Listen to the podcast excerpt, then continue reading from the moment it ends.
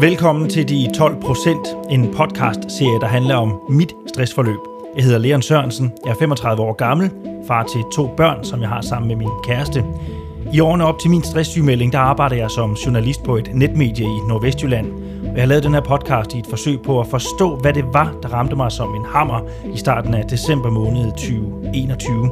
Samtidig så er det et forsøg på at understrege, at stress ikke kun rammer prominente danskere som folketingspolitikere, sportsstjerner og topdirektører. Det rammer også den helt almindelige dansker. Årsagerne til stress er lige så forskellige og mange, som der er mennesker. Derfor så har jeg haft ualmindeligt svært ved at finde en historie, som passede til min. Det gjorde, at jeg havde svært ved at finde ud af, hvilken hylde jeg som stressram skulle placere mig selv på. Inderst inden så søgte jeg nok efter noget, der ikke findes, når man er ramt af alvorlig stress, nemlig et quick fix. Det tager tid at komme sig over stress, og en tommelfingerregel siger, at det tager lige så lang tid at komme sig, som den tid, man har været stresset.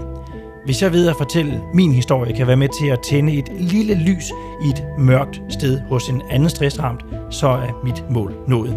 Jeg håber også, at podcasten her kan være med til at gøre pårørende til en stressramt klogere på, hvad det er, den stressramte går igennem. Podcasten den tager udgangspunkt i de noter, min læge og psykolog har taget under mit sygdomsforløb. Jeg har ikke selv læst journalerne igennem på forhånd. Det er altså lige så nyt for mig, som det er for dig.